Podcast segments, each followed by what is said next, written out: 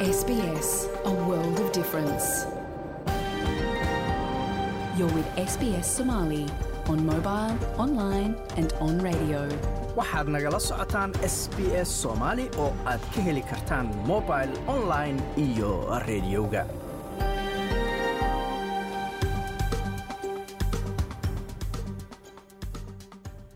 habeen wanaagsan dhammaantiinba meel kastoo aad joogtaan waa aan ku celiyo markaasi maalin wanaagsan ayaan lee dhammaantiin meel kastoo aad joogtaan waa arbaco bisha oktoobarna ay tahay siddeed iyo toban sanadka labada kun iyo labaatan iyo saddexda. Halkaad naga dhegaysanaysaanna waa laanta af soomaaliga ee idaacadda s b s oo si toos idinkaga imanaysa stuudiogaanu ku leenahay magaalada melbourne.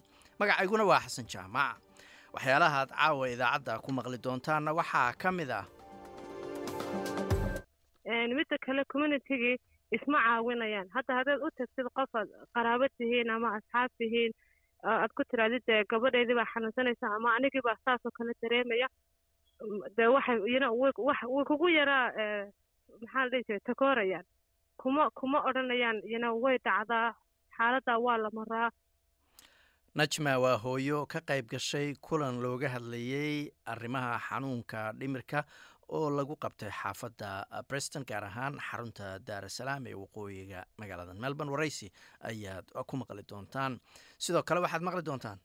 Kolley baahida way ballaaran tahay. Oo waxyaaba aan fulin marka indhafiiqdu bay ahayd. Haddana kolley waxaan aada ogaanay in loo baahan yahay waxa la yidhaahdo school screening waa doctor cabdicasiis cabdisamed oo aasaasay hay'adda samafalka ee i for horn of africa oo nooga waramay howlihii u qabsoomay hay'addaasi iyo sida ay u shaqayso sidoo kale marka horese wararka caawa waxa ugu waaweyn victoria ayaa noqonaysa gobolkii labaad ee australia oo mamnuuca salaanta naadsiyiinta kadib dhacdooyin yuhuud nacayba oo warbaahinta aad looga sii daayay oo ka dhacay gobolkan iyo australia. Israa'iil ayaa dafirtay mas'uuliyadda gantaal lagu dhuftay cisbitaal ku yaalla magaalada khaza halkaas oo mas'uuliyiinta xamaas ay sheegeen in boqolaal qof ay ku dhinteen. Dadka australiyaanka ah ee ku sugan israa'iilna waxaa lagu boorinayaa inay qaataan duulimaadyada ugu horreeya ee ay kaga soo bixi karaan israa'iil sida ugu dhaqsaha badan. Wararkaas iyo kuwo kale ee u diyaar garooba.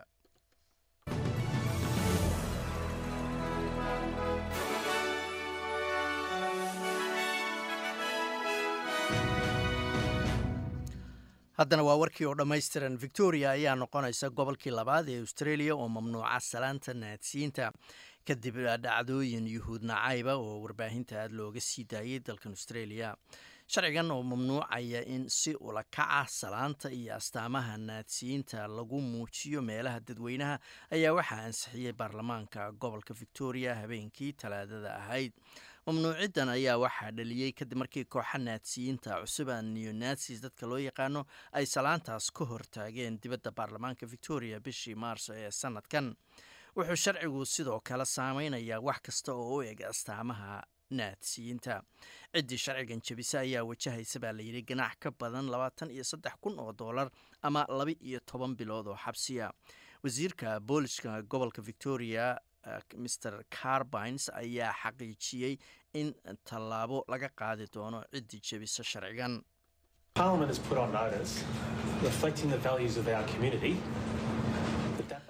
baarlamaanku digniinta uu bixinayo waa mid ka turjumaysa qayimka bulshadeenna ayuu yidhi oo ah in dhaqanka noocaas oo kalea aan loo dulqaadan doonin sharcigana lala tiigsanaya ciddii jebisa booliska ayaa la siiyey baa layidhi awood ay ku amraan qofka inuu calaamadda ama astaanta naadsiga meesha ka qaado sidoo kalena way xiri karaan. Qofka ayaa layidhi dacwana waa ay ku soo oogi karaan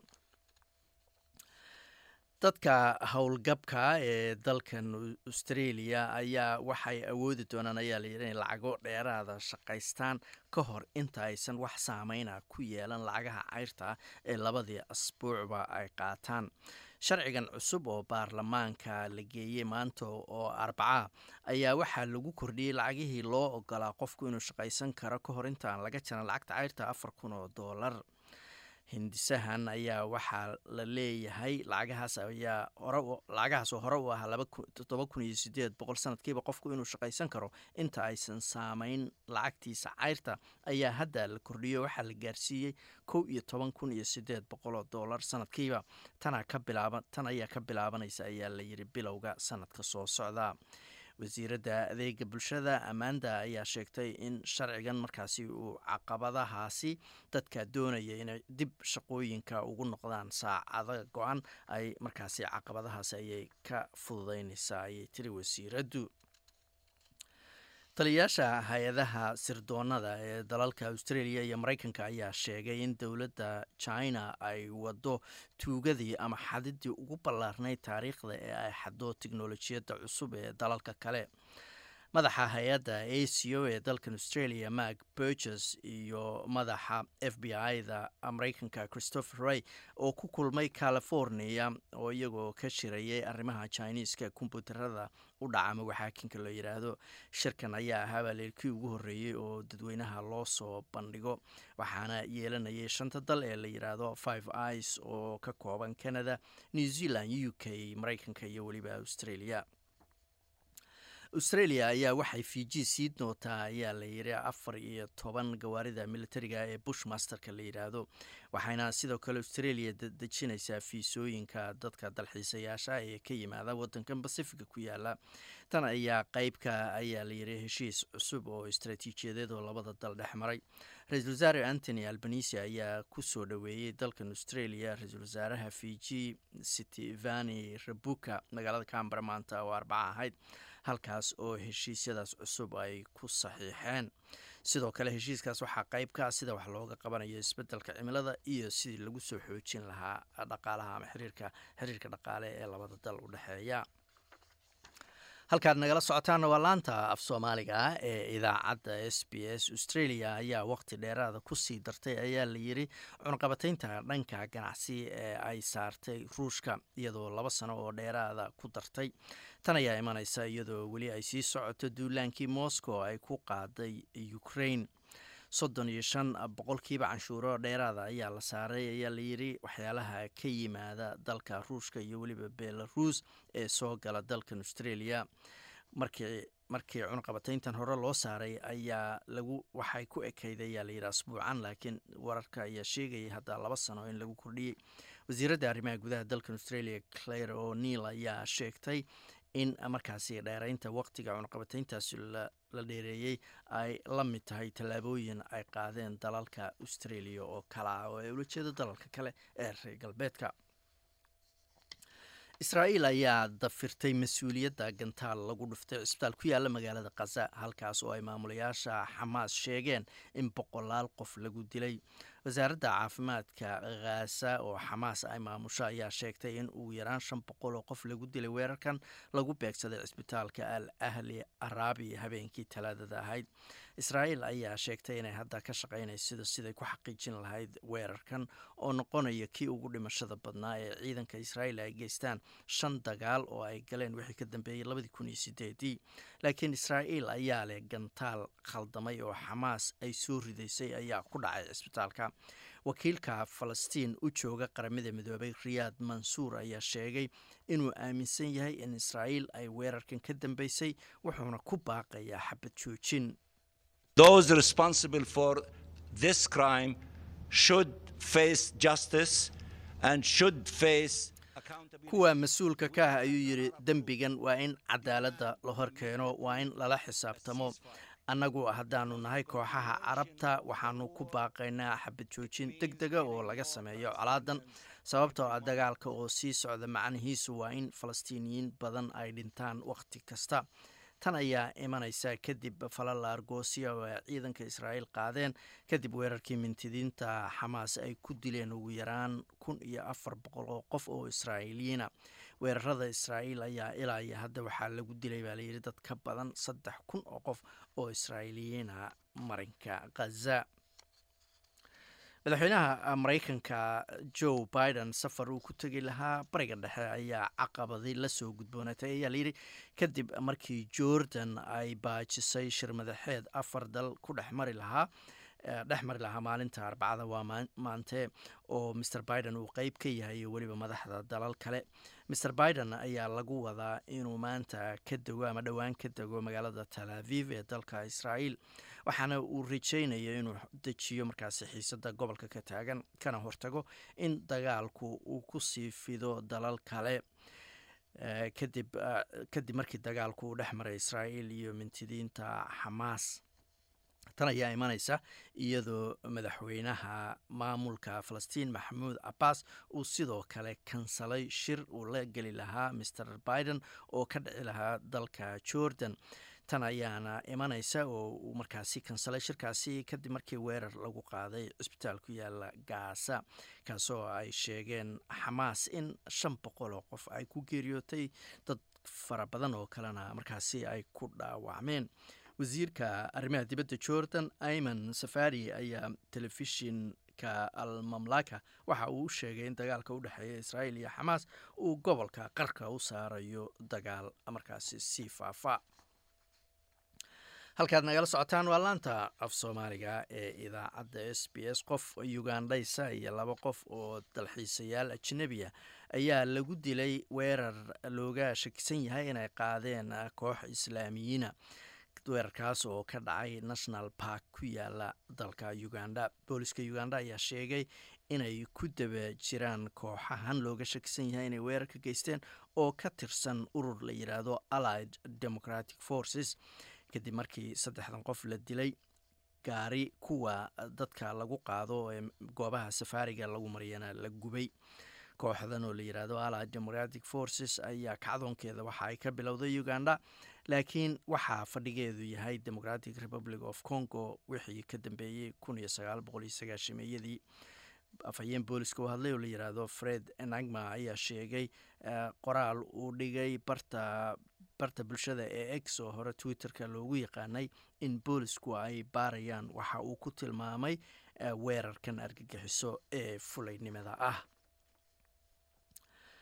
Wararka dibadda ayaanu weli ku jirnaaye booliska biljamna waxa ay toogasho ku dileen nin hore laba qof oo ama muwaadiniin swedish ugu dilay caasimada dalkaasi ee brussels maalintii isniinta ahayd nin la sheegay daadiisuna afartan iyo shan jir ahayd miidiya ama warbaahinta biljamna ay ku sheegeen magaciisa cabdisalaam ayaa lagu toogtay meel kaafeeya oo ku taala xaafadda sherbik ee markaasi magaalada brussels.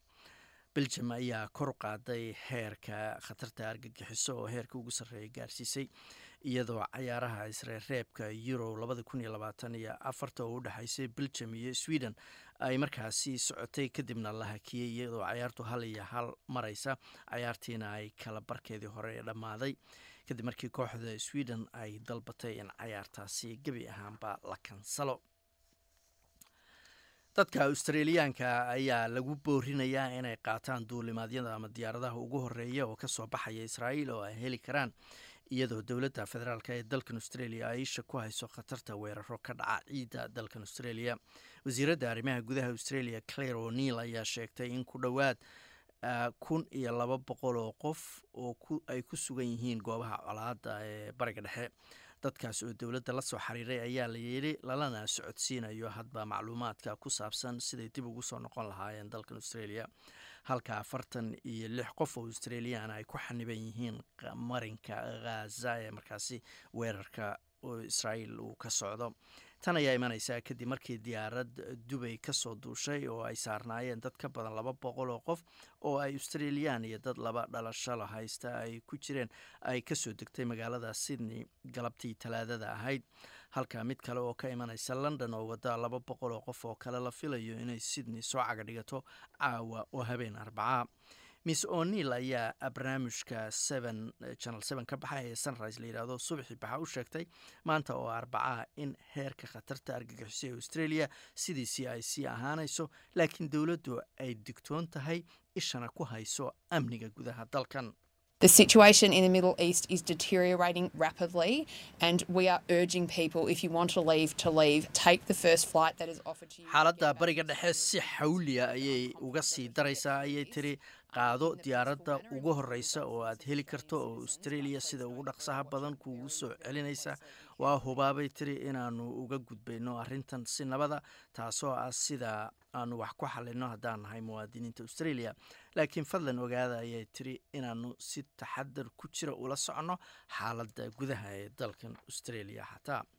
Saadaasha hawada berita oo khamiisa magaalada melbourne inta badan waa cadceed iyo labaatan iyo lix digrii sydneyna sidoo kale inta badan waa cadceed iyo kow iyo labaatan digrii halka australian dollara maanta waxaa lagu sarifayay lixdan iyo afar senti oo lacagta maraykanka ah halkaad weli nagala socotaan waa laanta af soomaaliga ee idaacadda s b s weli waxaa noo soo socda natiijadii aftidii ka dhacday dalkan australia maalintii sabtida ahayd warbixin yar ku saabsan iyo sidoo kale weligaa ma dayday inaad barato qalabka muusiga lagu cayaaro sida gitaarka oo kale. Waa mid ka mid a warbixinaheenii aan u bixinay australia explain oo ku saabsan markaasi arrimaha nolosha ee dalkan australia marka horese waxaa magaaladan melbourne booqasho ku jooga doctor cabdibaasid cali raage oo ah dhakhtar bartay xanuunada dhimirka ama psychologiste wuxuu dhowaan ku qabtay xarunta daarusalaam ee waqooyigan melbourne xaafadda breston barnaamij markaasi uu qabtay xubnaha jaaliyadda. Najma waa hooyo ka qayb gashay kulankaasi wacyigelinta ahaa waxaana weydiiyey waxa uga baxay kulanka waxayna tiri najma ku soo dhawo idaacadda s b s bal wax yar waxaa iga warantaa barnaamijkii cabdibaasid cali uu qabtay oo ku saabsanaa arrimaha xanuunada dhimirka ama mental healthiga wixii kaaga baxa adiga. Barnaamijka wax badan ayuu ayuu wiilkaasi ka sheekeeyay ilaa khayra siiyo waxa iga baxay xanuunada dhimirka ama mental health soomaalidu badanka waxay tixgeliyaan ma aha ama ay tidhaahdaan waa wax jirade badanka waxay yidhaahdaan qofkaa dee sixir baa haya jin baa galay iyo wax noocaasa. Laakiin waxaan ka fahanay oo waalidiin badanoo meesha ay ka faa'iidaysteen in waxaasina uu jiro haddana at the same time xanuuno badanna ay jiraan. Oo laakiin dadkeena u baahan yihiin in laga wacyigeliyo inay bartaan dhalinyaradoodu ay la nooshahay iyagu la nool yihiin. Waxyaabaha kale uu naga caawiya waxay ahayd. Siday waalidiintu naftooda u daryeeri lahaayeen. Badanka waxaa laga fekeraa carruurta uun baahidooda laakiin waalidiintu iyaga baahidooda ma eegaan inta badan. Marka runtii wax badan ayaan ka baranay. Waa gartay marka si gaara waxaad moodaa inuu uga hadlaya dhalinyarada iyo sidii waalidku ay markaasi ula dhaqmi lahaayeen haddii xanuuno noocaasa yimaadaan ama guud ahaanta korinta carruurta. Muxuu gaaro ka sheega arrimahaas? Wuxuu ka sheekeeyey horta carruurta maarata sida bilowga markay dhashaan xiriirka iyagiyo waalidkood ka dhexeeya waayo ilmaha yar waxba ma garanayo laakiin dama hadli karayo. Haddana wuxuu fahmayaa hooyadii dareenkeeda wuu fahmaya marka markay hooyadii ay iyadu isku booqsan tahay ama ay maxaa la dhahaata culays ay soo gaadho ilmaheedii yaraa wuu dareemaya marka halkaasuu ka bilaabaya baa layidhi ilmihii yaraa inuu hooyadii xiriirka ka goosto markuu arkay inay hooyadii ay de iyada isku booqsan tahay haddana markuu gaadho xillig saddex sano markuu gaadho haddana sidii oo kale ilmihii yara wuu dareemayaa mar kasta inay hooyadii ay dib marayso marka waxaa halkaa ka lumaya ilmihii yara inaanu hooyadii la hadli karaynin ama uu ka yaro dulko mar walba israado alla hooya way dhibaataysan tahay iska daa so waxaana la fahansiiyey sidaan ku fahmi lahayn ciyaalkeenu markay noo baahan yihiin adiguna sida caawitaan ku raadsan lahayd iyo sad u wada hadli lahaydeen adigiyo ciyaalkii. Inaanad maarata ilmaha yar aanad aamusiinin markuu wax ku su'aalo aad uga jawaabtid. Haddii aanad xilligaa awoodu lahayn aad uga jawaabtidna aad ku tiraadid wakti kale aynu wada hadli doonaa.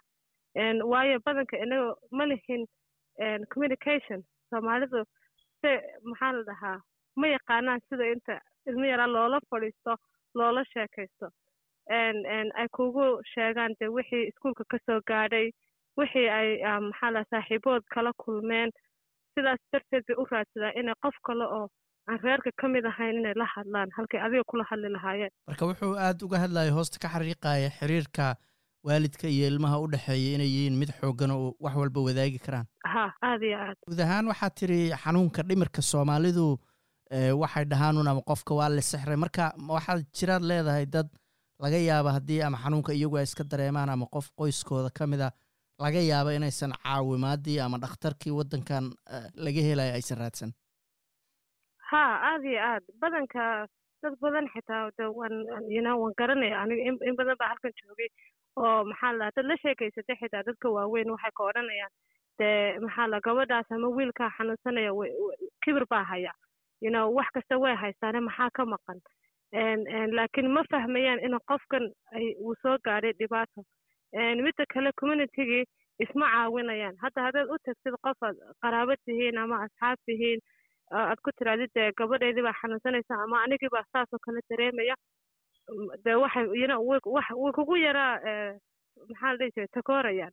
Kuma kuma odhanayaan yna way dhacdaa xaaladdaa waa la maraa markaas caawitaan raadso badanka laakiin qur'aan baa qofkii la saaraa qur'aanku waa daawo marna ma diideyno laakiin xanuunka dhimarkuna wuu jiraa nebiga caleyhi salaatu wasalaam waa kii sanad uu soo maray caamul xusn yna loogu magac daray marka markay culays uu aad culays aad dareentid waad u baahanta inaad diintii ku carartid laakiin mar baa imanaysa ay ay yno maskaxdaadii ay u baahan ama dawo aad u baahan tahay ama therapy aad u baahan tahay inaad qof la sheekaysatid oo dhibaatadii aad soo martay ama waxaad soo aragtay maxaa lahada si aad uga baxi kartid. Waa gartay marka maadaama aad aad tiri waxaaba dhici kartaba qofkii aad u sheegtid oo ama qaraabo kula ama saaxiib kula waxaaba laga yaabaaba inuu laftigiisuna kula sii yaabo ama kugu caayo. Taasi ma dhici kartaa inay keento dad badan inay xanuunada ama dhibaatooyinka haystaba qarsadaan. Ha aada iyo aad way qarsadaan.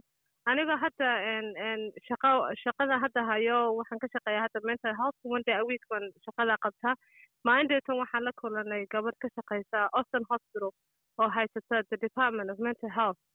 maxaa la dhinaca dee dhimarka haysata marka waxay sheegaysay soomaalideena waxay tiri waxaad noo timaadaan hospitalka markaan eegnay bay tiri recordkeyga waxaad timaadaan markay xaaladdu idinku xumaato oo qofkii emergency ahaan baa loo keenaa laakiin inta ka horeysa inagu waxaan la yidhaahdo prevention. in maaragta hawshii markay kow tahay in laga hortago ma naqaano. Marka waxaasaa keenaya inay dadkeena dee dhibaatadaas ay ku sii badato depressionka haba u badnaado hataa dhalinyarada haya dumarka soomaalida kale postnatal depression markay umulaan oo kale wuu ku dhacaa. Laakiin qof caawitaan raadsanaya ma jiro waayo waxay ka xishoonayaan wixii ay dad communityga odhan lahaayeen. Waxaa la odhanaya hooyadaas way xanuunsanaysaa way isku buuqday waasaan marka waxay noqonaysaa qofkii inuu iska aamuso gurigiisa iska joogo iska qarsado dhibaatadiisa. Waa garta marka barnaamijkan hadda aad ka qayb gashay oo cabdibaasid cali oo norway ka yimid oo aa nin dhakhtar oo psychologiga bartay ama xanuunada dhimirka iyo dadka sida loola hadlo muhiimad intee la eg bay u leedahay dadku inay dhegeystaan oo u yimaadaan? Wallahi aada iyo aad waxaan umaya waa wax aada iyo aad loogu baahan yahay weeyaan. Waayo waa qof ku hadlaya luqadeeni horta number one maalintaa markuu hadlayay dee soomaali buu kula hadlayay. Dadka waaweyn waxaa laga yaabaa inaan psychologyga aan la fahamsiin karinba. Laakiin diinteena is based on on on psychology. Maxaa la dhahaa qofka in si wanaagsan loola hadlo ayaa horta number one ah. An waxaynu inagu haddaynu soomaali nahay aanaynu badanka tixgelinin weeyaan marka runtii waxay ahayd wax aad iyo aad loogu loo loo dee loogu baahan yahay in communitygeena loo sameeyo maadaama uu qof soomaaliya ahaana indhahay noo furtay wax badan baan ka baranay aan ka ogaan. Waa garta waxyaalaha uu ka hadlayay waxaa kaloo ka mid ahaa xanuuno laga yaaba xanuunka dhimirku dabcan ummadahoo dhan buu ku dhacaa laakiin dadka soomaalida oo kale waxaa u dheer dadka laga yaaba dagaaladii sokeeye iyo dhibaato badan inay soo martayoo b t s d da waxaa la yidhaahday marka ma is leedahay soomaalida xoogaa waaba laga yaabaa inuu ku badan yahay laakiin inta badan ay qarsadaan. Ha aada iyo aad aada iyo aad. Waayo qofaan horta dhib la soo kulmin ma jir dadkii dagaaladii dee maxaa la dhahaa maxaa la dhahaa joogay markay dagaaladu dhaceen kuwaas dhib way soo arkeen qax way soo arkeen. Laakiin haddana de therapy bay u baahan yahin inay ka hadlaan inay ka sheekeeyaan inay dadka kale wacyigelin u sameeyaan. Ciyaalada halkan ku dhalanayana dee dhib kalaaba haysataba waayo dee waddankan waddankoodii maaha waa dad islaama waa dad madow. Iskuulladii waxaa laga yaabaa in bullying lagu samaynayo. Marka waxyaabo badan ayaa ayaa ayaa inagu keenaya dhibaatada laakiin waxaan u baahannahay inaynu inaynu ka wada hadalno communitygana maxaa dhaha wacyigeli badan loo sameeyo. Si ay dadku u dareemaan inay inay ka hadli karayaan oo waxaan waxaan isaga bad ku koobnayn ahay ay tahay aanay ahayn dee wax dunida kaleo dhan ay la qabto ay tahay.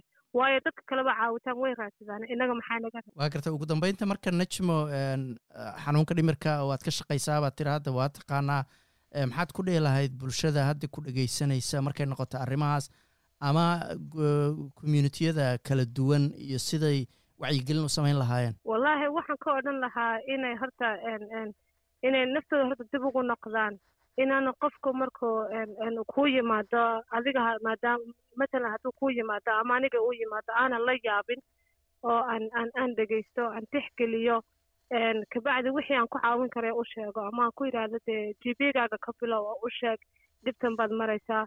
Haddaad rabtid masaajid imaamka masaajidka u tag yina hooyadaa la hadal aabbahaa la hadal waa inan dad qofkii dareensiinaa inaanay cidlo ahayn oo ayna la hadli karayaan oo si wanaagsan oo ixtiraam leh aan hadalka uga gurnaa aan uga dhegaysanaa. Taasi waxay ahayd najma oo ka qayb gashay kulan ka dhacay xarunta daar asalaam ee xaafadda breston oo markaasi looga hadlayay xanuunada dhimirka uuna ka hadlayay doctor cabdibaasid cali raage oo ah psychologist ka yimid dalka norway.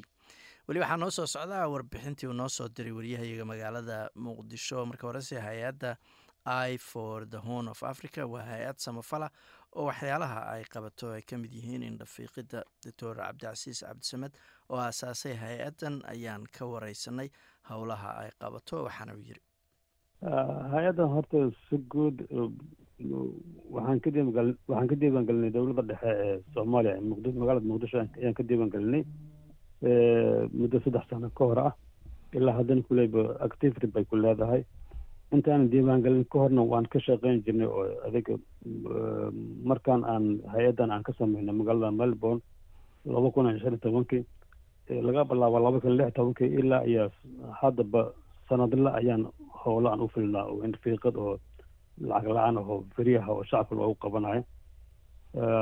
Marka waa sidaa macnaha wd kadibna hadda dhawaanahan laba kun iyo maxaa la labaatankii baan xamar ka diiwaan si rasmi ah waa garta marka ilaa iyo hadda howlaha aad ka fuliseen xamar qaliimada aad dadka u fidiseen maxaa nooga tilmaami kartaa horta si guud adig xamar un ma aha kule magaalooyinka qaar baan tagnay oo ay ka mid tahay hargeysa muqdisho baydhabo iyo kismaayo inta hadda kule aan tagnay. Sanada sanooyinka aan kuu sheegay ba maxaa la sannadkii mar baan tegi jirnay oo qaliimo lacag la'aan ah. Marka ugu yar tahay boqol qof mar marna adii ilaa shan boqol aan gaarsan jirnay sanadaha qaar marka si guud haddaan kaaga waramo laba kun iyo toban iyo todobadii ayaa ugu horreysay aan tagno magaalada hargeysa. Laba kun iyo sideed tobankii waxaan tagnay magaalada muqdisho baydhabo iyo kismaayo. Laba kun sagaal iyo muqdisho. Kadibna inta badan inta ka dambeysa muqdisho baan u badnaa inaan inaan howlaan ka fulno waa garta marka baahiyaha arrimahaas indhaqalidda oo waddanka oo dhan guud ahaan ka jirta intee la eg tahay baad isleeda maadaama magaalooyin badan aad soo marteen. Baahida aad bay u ballaaran tahay aad bay u ballaaran tahay. Saad og tahay mana waddamada soo koraya mana tirada dhakhaatiirta joogta oo oo fiilkan ka shaqeysa kuma filna in howlaha ballaaran ay fuliyaan waa gartay hadda markaa sanadaha soo socda maxaa maxaa inii qorshaa hadda markaa howlaha aada wadankii ka wadaan la fiiriyo? Kolley baahida way ballaaran tahay oo waxyaaba aan fulin marka indhafiiqdu bay ahayd. Haddana kolley waxaan aada u ogaanay in loo baahan yahay waxa la yidhaahdo school screening.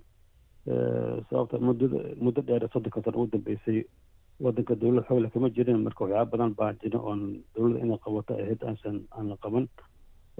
Si gaara hadda kole waxaan rabnaa inaan xoog aan saarno.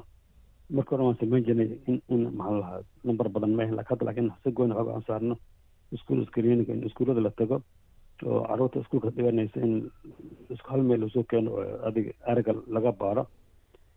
Qofka marka la baaro kadib la ogaado inuu arigiisa gaaban yahay meeshii rab usan ahayn in baaritaan dheer kale loo diro oo isbitaalada aan u dirno ama annaga hataa meelo kale aan aan ku ballimno oo badanaa waxay u badan yihiin inay okaaluhuna baahan yihiin inkastoo ay dhici karaan xanuuno kale oo ka baxsan intaas ay dhici karaan. Marka un kulleyba indhafiiqida oo aan ka hadlayna cudurrada sida kataracti ama galokoomaha marka si guud looga hadlo iyo waxaan rabaa in aan ku darno school screening kaas oo hadda kulle baahi weyn ay ka jirto oo haddana weliba meel meelaha qaar aan ka sameynay. Kaasina wuxuu ahaa doctor cabdicasiis cabdisamed oo aasaasay hay'adda i for the horn of africa. Halka qadarkaas xaysiinta aad kala socoteen waa laanta af soomaaliga ee idaacadda s b s wararka caawana. Waxaa ugu waaweynaa victoria ayaa noqonaysa gobolkii labaad ee dalkan australia oo mamnuuca salaanta iyo astaamaha naadsiyiinta. Tan ayaa imanaysa kadib dhacdooyin yuhuud nacayba oo warbaahinta aada looga sii daayay dhowaanahan israa'iilna waxa ay dafirtay mas'uuliyadda gantaal lagu dhiftay cisbitaal ku yaalla kaasa halkaas oo maamulayaasha xamaas oo maamula halkaasi ay sheegeen in boqolaal qof lagu dilay. Dadka australiyankana waxaa lagu boorinayaa inay qaataan duulimaadyada ugu soo horreeya oo ay kaga soo bixi karaan dalka markaasi israa'iil weli waxaa noo soo socdaa warbixintii uu noo soo diray waryahayaga magaalada muqdisho. Marka horese maalintii sabtida ahayd dalkan australia waxaa laga qabtay afti baryahan baa aada loo sugayey oo lagu doonayay haddii ay guuleysato in cod markaasi ama hay'ad dastuuriya ee dadka indigeneska ee dalkan ay yeeshaan. Balse waa ay guul daraysatay. Warbixin gaaban oon ka diyaarinayna waatan si aqlabiyada ayay codbixiyaasha dalkan australia maya u dhaheen sidaasna ku diideen cod ay dadka indigeneska ku yeelan lahaayeen baarlamaanka dalkan. Waa aftidii ugu horreysay oo dalkan australia laga qabto muddo labaatan iyo afar sanaa gobolka tasmania haweentan ayaa sheegtay inay iyadu maya u codaysay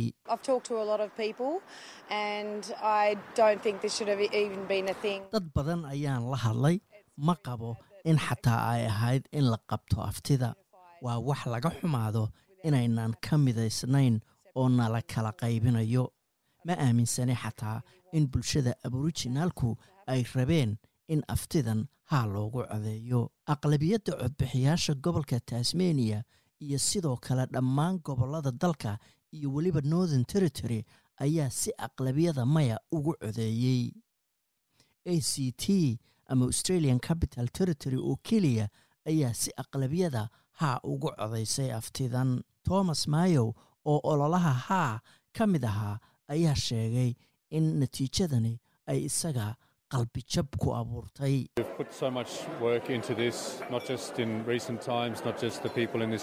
Howl badan ayaanu soo gelinay aftidan. mana aha wakhtiyadii dambe oo keliya mana aha dadka halkan jooga ee waxaa ka shaqaynayay toddobaatan kun oo qof oo mutadawiciina dalka oo dhan. hoggaanka dadka indigeneska waxay arrintan ku aamineen shacabka australia wayna isku dayeen intii tabartooda tobannaan sano oo shaqo adag la soo qabtay iyo inay difaacaan xuquuqdeenna caawa dharbaaxa culus ayaa soo gaartay ayuu yidhi. Ra'iisul wasaare antony albanisi ayaa isagu ku dhawaaqay inuu aqbalay natiijadan. Hadal cad oo ku saabsan halka meeshan laga aadayo ma uusan sheegin laakiin wuxuu ballan qaaday in himiladiisii ama himiladii arrintan la sii wadi doono si cad ayaan u ixtiraamayaa go'aanka shacabka australia. Iyo hanaanka dimuqraadiyadeed ee aanu soo marnay. Marka la fiiriyo waxyaalaha adduunka ka dhacaya maanta go'aan weyn ayaanu si nabada ku gaarnay annagoo dad simana.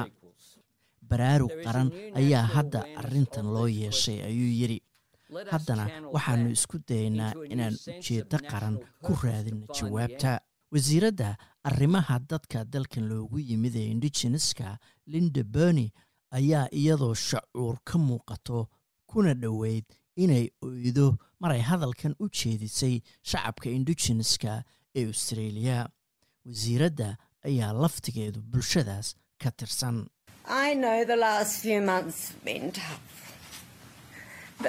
waan ogahay bilihii u dambeeyey inay adkaayeen. laakiin waa inaad ku faraxsanaataan cidda ama haybta aad tihiin. waa inaad ku faraxsanaataan taariikhda iyo hiddaha lixdan iyo shanta kun oo sano soo jiray ee aad qaybta ka tihiin. hore ayaannu u sii soconaynaa ayay tiri waannu sii wadaynaa hawsha waana guulaysan doonaa. natiijadan ma aha dhammaadkii dib u heshiisiinta ayay tiri wasiiraddu bilaha soo socdana waxaannu soo bandhigi doonaa go'aamada cusub ee dowladdu ku doonayso in la soo xiro ama la soo yareeyo farqiga nololeed ee u dhexeeya dadka indigeneska iyo shacab weynaha intiisa kale. Hogaamiyaha mucaaradka federaalka pier dutton ayaa isagu sheegay in natiijada now ay tahay mid u fiican dalka.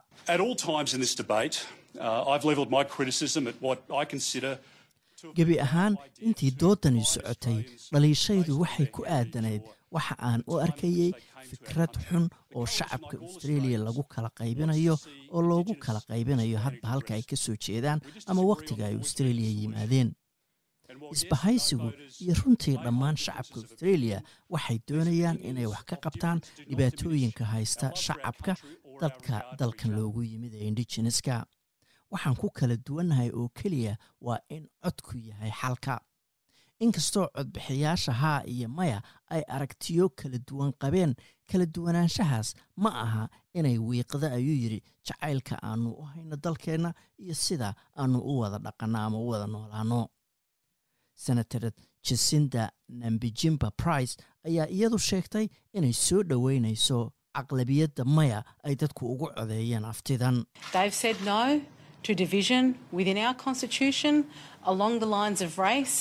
waxay maya yidhaahdeen in dastuurkeenna dadka loogu kala qaybiyo midabyadooda. Waxay maya yidhaahdeen in been loo sheego oo la ysku dayo in maskaxda laga xado. Waxay maya yidhaahdeen in loo cagajubileeyo waxay maya dhaheen cabasho ama ciilqab iyo dadka lahaa waxaanu nahay dal cunsuriyada. Mana nihin dal cunsuriyada ayay tiri. Halkaad nagala socotaan waa laanta af soomaaliga ee idaacadda s b s haddana waa warbixin ka mid a warbixinihii aanu u bixinay australia explain ama in australia markaasi arrimaha iyo nolosha iyo guud ahaan la sharaxo. Qeybtanna waxa ka hadlaysaa barashada qalabka muusiga ama haddii adigu aad rabtid ama ilmahaaga aad u rabtid inay muusig bartaan sida gitaarada ama violinta ama pianada waxyaalaha la yidhaahdo warbixintiina waatan ma jira qalab muusiga lagu cayaaro oo aad meel gurigaaga isaga ilowday waxaaba laga yaabaa inaad rabi lahayd in ilmahaagu ka faa'iidaysto casharo muusiga ama waxaad weligaa rabtay inaad qayb ka noqoto koox muusiga tunta. Faa'iidada laga heli karo inaad qalabka muusiga barato adoo yar ama adoo qof weyna waa wax aan la xisaabin karin. Howard juston waa isuduwaha iskuul muusiga lagu dhigo wuxuuna sharaxayaa inaad qalab muusiga tunto inay dareenka jirkaaga si buuxda u kicinayso. Waxaad ka helaysaa fikrado isugu jira xisaab turjumid iyo xiriir oo dhammaantood isku mar dhacaya. Marka faa'iidooyinku waa kuwa aad u badan ma jiro mawduuc kale oo ama iskuul aad ka barato ama nolosha ku barto oo intaas oo dhan hal mar ama hal meel isugu keenaya. Haddana maadaama ay jiraan casharo badan oo onlineka laga baran karo waxaad mar kasta bilaabi kartaa casharo heerar kala duwana ama bilow ahaw ama qof khibrad hore u lahaa ahaawe. Laakiin waxaad dhici kartaa inaad farsamooyin fiican yeelato oo muusig kala soo baxdo qalab muusig ee aad markaasi haysato. Iska samson waa muusikaysato qalabka violiinka dadka barta waana macalimad waxay sheegtay in inaad macalin muusig yeelato ay tahay mid faa'iido badan kuu leh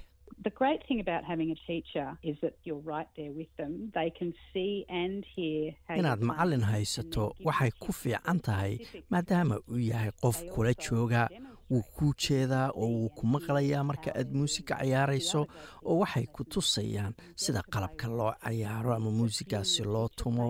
waxaad arkaysaa sida loo cayaaro. waxaa kale oo casharada muusigu ku fiican yihiin waa inaad dad kale la cayaarayso ama la tumanayso. Marka aad casharo u raadinayso ilmahaaga barnaamijyada muusiga iskuullada ayaa ah dariiq macquula. Hase yeeshee tayada waxbarashada muusiga uu ilmahaagu heli karo ayaa aad u kala duwan iyadoo ku xiran hadba gobolka aad degan tahay. Waxaa sidoo kale kala duwanaan kara iskuullada iyadoo ku xiran hadba qarashka iyo mudnaanta waxbarasho ee muusiga la siiyo tusaale ahaan waxaa dhici karta in iskuullada hoose ee dowladdu ay bixiyaan casharo duuban. Marka ardaygu yahay fasalka saddexaad hase yeeshee waxaa jira iskuullo muusiga takhasus uu u yahay iyo dariiqyo kale sida uu sharaxayo howard jaston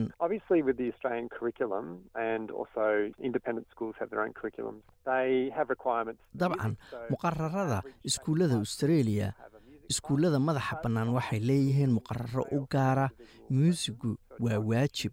Marka caadiyan iskuullada sare ee gobolka waxay leeyihiin casharo muusiga laakiin inta badan iskuulladu waxay bixiyaan casharo qof qof ah oo ilmuhu dooran karo laakiin xoogaa lacaga ay tahay in qofku bixiyo. Macallimiintuna inta badan waa dad xirfad muusigeed leh. Iskuullada qaarkood xataa waxay leeyihiin shaqaale xirfadley muusiga oo muusiga oo keliya dadka. Bara intuu doonaba ha la ekaadee barnaamijka muusiga iskuullada ayaa ah dariiq fiican oo bulshada iskuulka kulan siisa. Waa kan mar kale howard jaston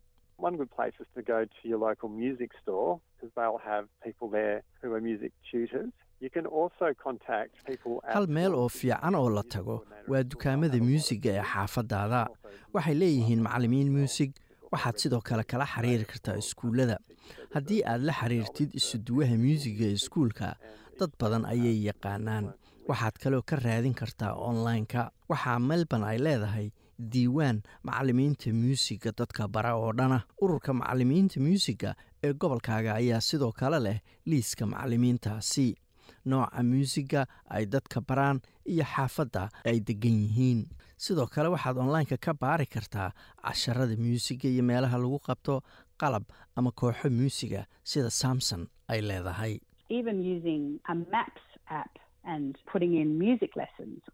Xataa waxaad isticmaali kartaa aabska adoo ku baaraya casharo muusig ama noocyada muusiga sida folk music jas music ama rock. Internetku waa meel wax badan aad ka heli karto oo waxaa ka jira ururo qof kasta. Da-duu doonaba ha ahaadee ama intuu doonaba muusig ha ka yaqaanee lagu casuumi karo. Kambara waxaa ku yaalla iskuul muusiga roogga nooca la yidhaahdo laga barto oo ah urur.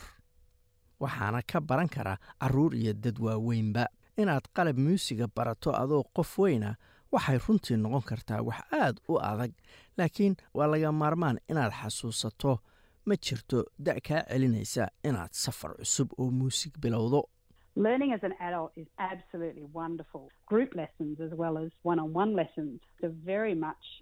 Inaad adoo qof weynaa barato waa arrin aad u cajiiba koox ahaan muusig aad ku barato ama qof ahaanba meelo badan ayaa laga helaa. Qof aan weligiis taaban muusig iyo mid xoogaa yaqaanaba.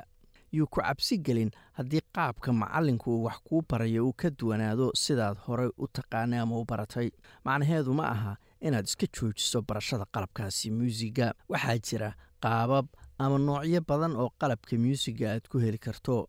Howard juston ayaa sheegaya in waaxda muusiga ee iskuulka uu bixin karo qalab muusig. Sometimes a school will invest in buying instruments and they will loan those instruments out to the children at a fee. But otherwise, other schools put it on the students and the mararka qaarkood iskuullada ayaa maalgeliya inay soo gataan qalab muusig ama waxay amaahin karaanba carruurta iyagoo lacag yar laga qaadayo.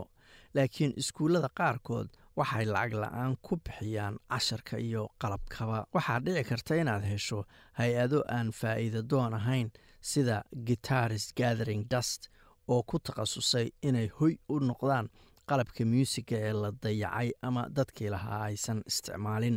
Hay'addan samafalka oo ku takhasustay arrimahaasi ayaa soo aruurisa dayactirtana gitaarada aan loo baahnayn oo loogu deeqo hay'addan.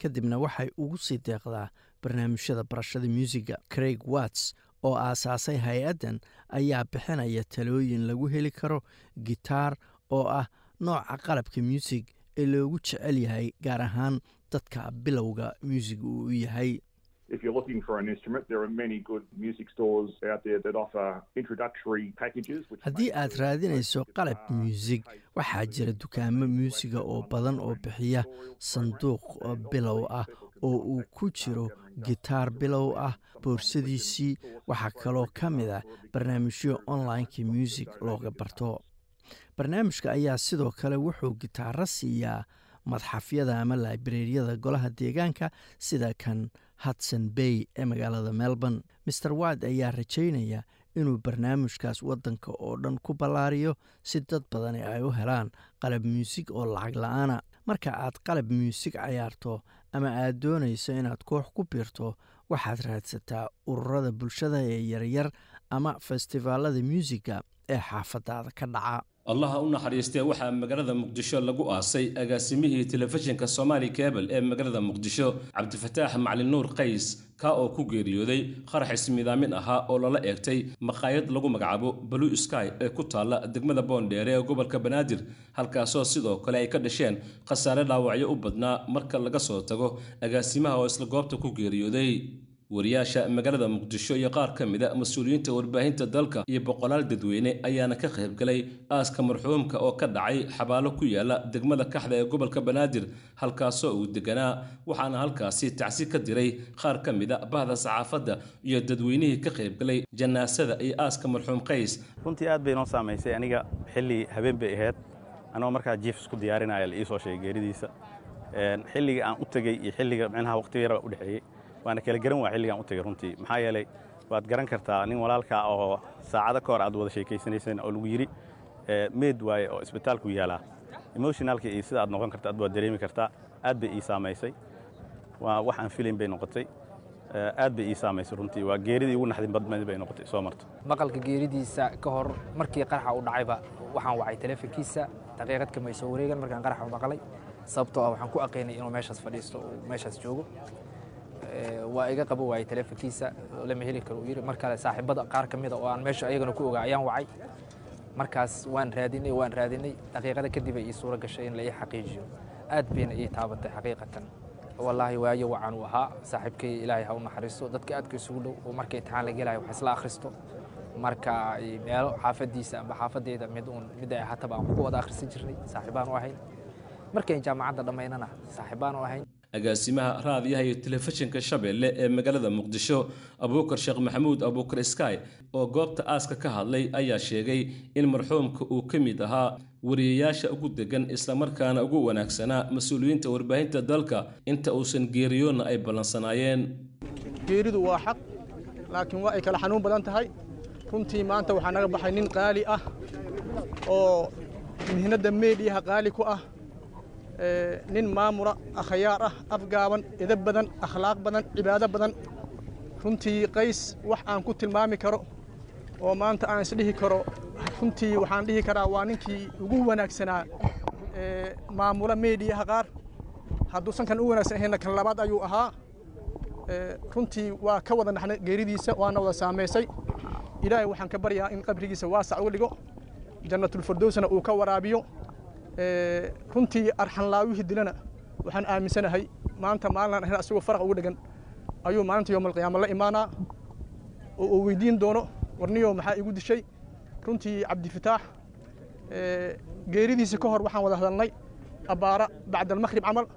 Waxaan ballansaneen in isla xalay u geerido allah u naxariistee sagaalka fiidnimo inaan conference aniga iyo asiga iyo cabdulaahi agaasim cabdulaahi iyo mawlidii dhammaan aan ku kulanno oo aan ka wada hadalno qaabkii meediyihii dalka iyo iyo sheeg waxau ahay amniga dalka iyo nimankan cadowga ah. Sida laysaga dhicin lahaa marka runtii geeridu kula tashan mayso qof walbo annaga naga mid ay saamaynaysaa. Meenta meesha maanta la keenay qaysina qof walbo annaga ka mida la keenayaa runtii markii qofka uu dhinto waa fariin oo ilaahi subxaana watacaala annaga noo diraayo. Marka waxaan ugu baaqaa dadka ka soo qayb galay halkan fariintaas ilaahi subxana watacaala oo noo diray inaan qof walba uu ka fikiro oo camal wanaagsan iyo wax wanaagsan uu ka shaqeeyo insha allahu tacaala annagana ilahi waxaan ka baryaynaa inuusan gadaashiisna fidnayn cabdifataxna qabrigiisa allah u waasiciyo jannatulfirdowsna allah ka waraabiyo. Kolleyba maalin wuu tegi lahaa.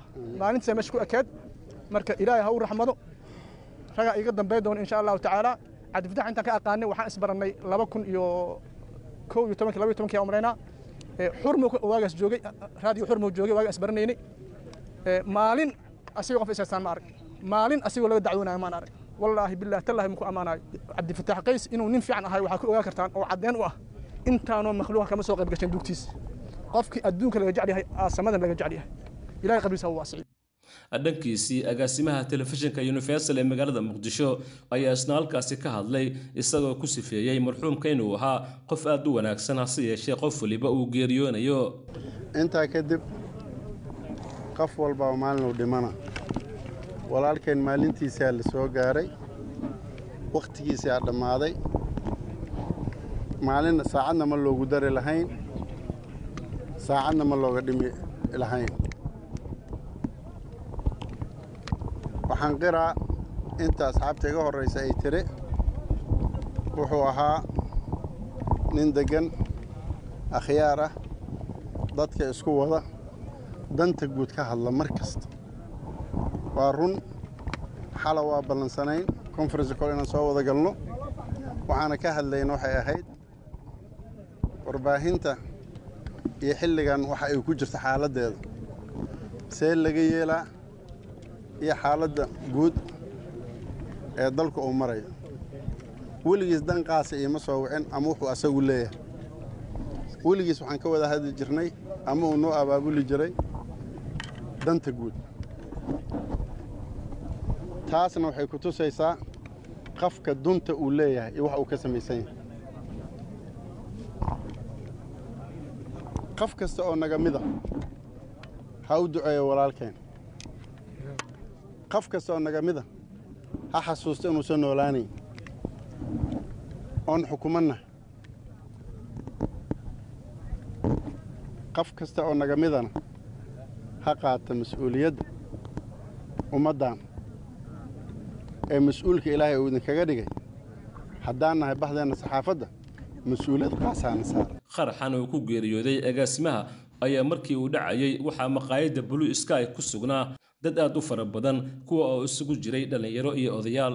Bannaanka hore ee maqaayaddaasi uu qaraxu ka dhacayna waxaa ku yaalla bar kontarool oo madaxtooyada soomaaliya laga ilaaliyo islamarkaana ay ku sugan yihiin ciidamo aad u fara badan oo dowladda soomaaliya ka tirsan.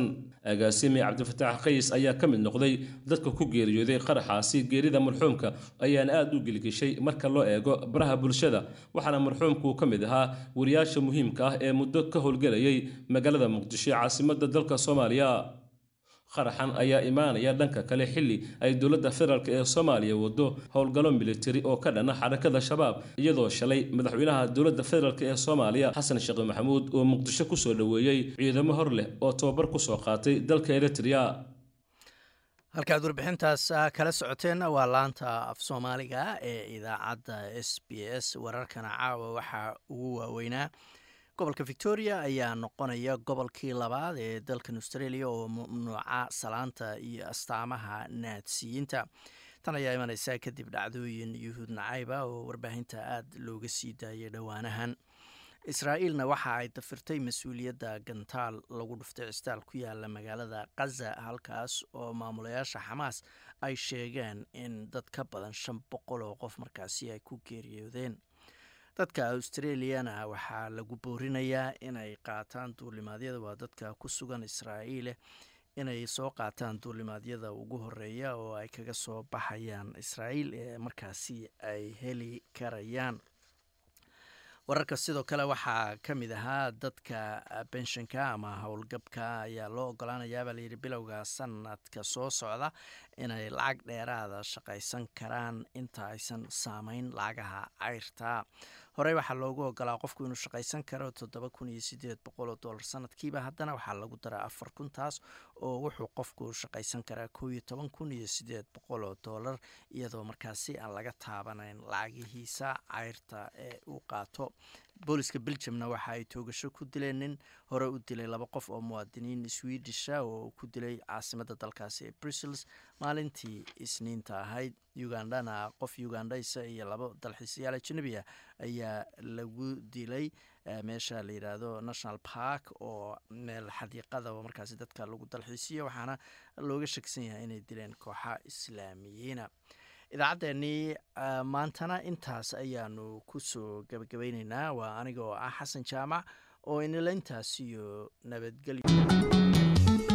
Waad ku mahadsantahay inaad dhegaysato raadiyaha s b s toos u dhegaysa barnaamijka habeenada arbacada iyo jimcada tobanka fiidnimo.